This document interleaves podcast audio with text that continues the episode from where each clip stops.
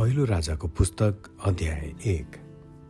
अदोनियाले आफैलाई राजा बनाएका। जब दाउद राजा वृद्ध भएर तिनको उमेर ढल्किसकेको थियो तिनलाई लुगा ओढाइदिँदा पनि तिनी तात्दैनथे यसै कारण तिनका सेवकहरूले तिनलाई भने हजुरको सेवा टहल र हजुरको हेरचाह गर्नलाई कुनै एउटी कन्ने केटी हामी खोज्छौँ। त्यसले हाम्रा महाराजालाई न्यानो पार्न त्यो हजुरसँगै सुतोस्। तब तिनीहरूले सारा इजरायल देशभरि खोज्दा एउटी सुन्दरी कुमारी सुन्नमी अभिषकलाई भेटाए र त्यसलाई राजा कहाँ ल्याए? त्यो अत्यन्त सुन्दरी थिए। त्यसले राजाको सेवा टहल र हेरचाह गर्न लागे तर राजाले त्यससँग सहवास गरेनन्। तब हगितका छोरा अदोनियाले म नै राजा हुनेछु भने आफैलाई अघि सार्न लागे। यसैले उनले पचासजना मानिसहरू घोडचडीहरू र रथहरू समेत आफ्नो अघि अघि दगुर्न तयार गरे। उनका पिताले उनलाई त किन यस्तो व्यवहार गर्छस्? भनेर सम्झाएनन्। अदुनिया पनि एक अत्यन्तै सुन्दर मानिस थिए र उमेरमा सालमभन्दा पछि जन्मेका थिए। अदुनियाले सरुयाका छोरा युवाब र अभिथा पुजारीसँग सल्लाह लिए। र उनीहरूले उनलाई सहायता दिए। तर साधक पुजारी यो यादाका छोरा बनाया। नातान अगमभक्ता सिमी रे र दाउदका विशेष अङ्गरक्षकहरू चाहिँ अदुनियातर्फ लागेनन्। तब अदुनियाले एनरोगेनलेरको जोहेलेत भन्ने ढुङ्गामा भेडाहरू गाई गोरुहरू र पोसिएका बाछाहरू बलिदान चढाए। उनले आफ्ना सबै राजकुमार भाइहरू र यहुदाका सबै राजकीय अधिकारीहरूलाई निम्तो दिए। तर उनले नातान अगमवक्ता बनाया विशेष अङ्गरक्षकहरू र आफ्ना भाइ सोलोमनलाई निम्तो दिएनन्। तब नातानले सोलोमनकी आमा बत्सेवेलाई सोधे के तपाईँले सुन्नुभएको छैन कि हाम्रा मालिक दाउदले थाहा नपाइकनै हगिदका छोरा अदुयाने राजा भएछन्? अब सुन्नुहोस्। तपाईँको आफ्नै र तपाईँका छोरा सोलमनको ज्यान कसरी बचाउन सकिन्छ सो म तपाईँलाई सल्लाह दिनेछु। गएर दाउद राजासँग भेटेर उहाँलाई यसो भन्नुहोस् हे प्रभु मेरा महाराजा के हजुरले आफ्नै दासीसँग यसो भनेर शपथ खानु भएको थिएन? निश्चय नै तिम्रो छोरा सोलमन म पछि राजा हुनेछ र त्यो नै मेरो सिंहासनमा बस्नेछ। तब किन अदोनिया राजा भए त? तब जब रा तपाईँ राजासँग कुरा गरिरहनु भएको हुन्छ त्यसै बेलामा म भित्र आउनेछु र तपाईँले भन्नुभएको कुराको पुष्टि गरिदिनेछु। तब बत्सेवा वृद्ध राजासित भेट गर्न कोठामा गइन्। जहाँ सुन्नमी अभिषकले तिनको स्याहार सुसार गर्दै थिइन्। बत्सेवा निहुरेर राजाको सामु घोडा टेकिन्।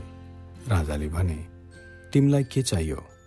तिनले राजालाई भनेन् हे मेरा प्रभु हजुरले आफ्नी दासीसँग परमप्रभुका हजुरका परमेश्वरको नाउँमा यसो भनेर शपथ खानुभएको थियो। म पछि तिम्रो छोरो सोलमन राजा हुनेछ र त्यो मेरो सिंहासनमा बस्नेछ। तर अहिले अदुनिया पो राजा भइसकेछ। यो कुरा प्रभु मेरा महाराजालाई थाहा छैन।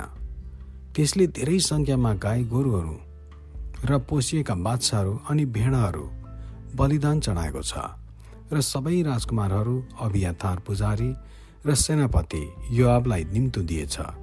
तर हजुरको दास सोलमनलाई चाहिँ निम्तो दिएनछ अब हे मेरा प्रभु महाराजा हजुरपछि सिंहासनमा को विराजमान हुनेछ भनेर हजुरबाट जान्नलाई सारा इजरायलले हजुरलाई हेरिरहेका छन्।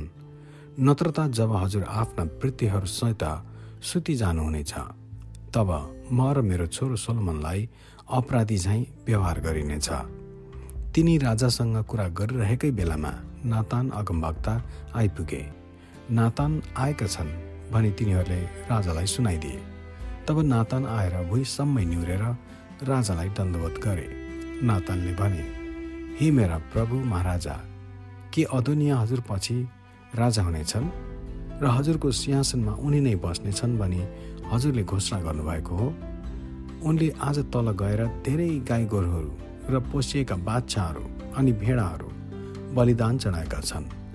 उनले सबै राजकुमारहरू सेनापतिहरू र अभियथार पुजारीलाई भोजमा निम्तो दिएका छन्। अनि अहिले यसै बेला उनीहरू उनीसँगै खाँदै पिउँदै र यसो भनिरहेका छन् राजा अदनिया दीर्घाइरहन् तर उनले हजुरको दास मलाई र साधक पुजारी योदाका छोरा बनाया र हजुरको दास सलमनलाई चाहिँ निम्तो दिएनन्। के यो हजुरको आज्ञाद्वारा भएको हो? अनि हामी हजुरका दासहरू चाहिँ हजुरपछि सिंहासनमा को बस्ने हो भनी हजुरले थाहा नै दिनुभएको छैन। दाउदले सोलमनलाई राजा नियुक्त गरेका। तब दाउद राजाले भने बच्चेवालाई भित्र बोलाऊ यसले तिनी राजाको सामुन्ने आएर उभिन्। तब राजाले यसो भनेर शपथ खाए। मेरा सबै दुःखबाट मलाई छुटकारा दिनुहुने जीवित परमप्रभुको नाउँमा शपथ खाएर म भन्दछु। परमप्रभु इजरायलका परमेश्वरको नाउँमा मैले शपथ खाएर तिमीलाई भनेको थिएँ तिम्रो छोरो सोलमन नै म पछि राजा हुनेछ र मेरो सिंहासनमा मेरो सट्टामा बस्नेछ। आजको दिन यो शपथलाई म पुरा गर्नेछु। तब सेवाले राजाको सामुन्ने घुँडा टेकेर निहुरेर भुइँमा घोप्ट परिन् र भनिन् मेरा प्रभु महाराजा दाउद दीर्घाही रहन्। दाउद राजाले भने साधुक पुजारी नातान अगमभक्ता र यो यादाका छोरा बनायालाई भित्र बोलाऊ। जब तिनीहरू राजाको सामु हाजिर भए राजाले तिनीहरूलाई भने तिमीहरूका प्रभुका सेवकहरूलाई तिमीहरूसँग लैजाओ र मेरो छोरो सलमनलाई राजाको खच्चरमा चढाओ। गिहोनसम्म साथै लैजाओ। त्यहाँ साधु पुजारी र नातान अगमभक्ताले त्यसलाई इजरायलमाथि राजा अभिषेक गरून्। तुरै बजाओ र यसो भनेर कराओ राजा सलमन अमर रहोस्। तब तिमीहरू त्योसँग उक्लिएर जाओ र त्यो भित्र पसेर मेरो सिंहासनमा बसोस् र मेरो सट्टामा त्यसले राज्य गरोस्। इजरायल र यहुदामाथि शासन गर्नलाई मैले त्यसलाई नियुक्त गरेको हो। यहुदाका छोरा बनाइहाले राजालाई जवाब दिए। आमेन। परमप्रभु मेरा मालिक महाराजाका परमेश्वरले यस्तै घोषणा गरून्। जसरी मेरा महाराजासँग परमप्रभु हुनुहुन्थ्यो त्यसरी नै उहाँ सोलमनसँग पनि हुन्। र तिनको सिंहासन मेरो परमप्रभु महाराजा दाउदको सिंहासन भन्दा पनि उच्च बनाउन्। तब साधुक पुजाहारी नातान अगमभक्ता यो यादाका छोरा बनाया करेती पलेतीहरू तल झरेर सोलमनलाई राजा दाउदको खच्चरमा सवार गराए। र तिनलाई गिहुनसम्म साथ दिए। साधोक पुजारीले पवित्र पालबाट तेल राख्ने सिङ लिएर सोलमनलाई तेलले अभिषेक गरे। तब तिनीहरूले तुरै फुके र सबै मानिसहरूले कराएर भने राजा सोलमन अमर रहन्। अनि सबै मानिसहरू अत्यन्त हर्ष मनाउँदै बाँसुरी बजाउँदै तिनको पछि पछि माथि उक्ले। तिनीहरूको हल्लाले जमिनै थर्क्यो। अदुनिया र उनका अतिथिहरूले खाइसकेका मात्र थिए। तब उनीहरूले त्यो हल्ला सुने। तुरैको आवाज सुनेर यो युवावले सोधे सहरमा यो के को हल्ला हो? जब उनी यसो भनेर बोल्दै थिए अभियथारको पुजारीका छोरा जोनाथन आइपुगे। ल्याए भने भित्र हो। तिमी जस्ता योग्य मानिसले असल समाचार ल्याएको हुनुपर्छ जोनाथनले जवाब दिए अह होइन। साँच्चै हाम्रा प्रभु राजा दाउदले सोलमनलाई राजा तुल्याउनु भएको छ।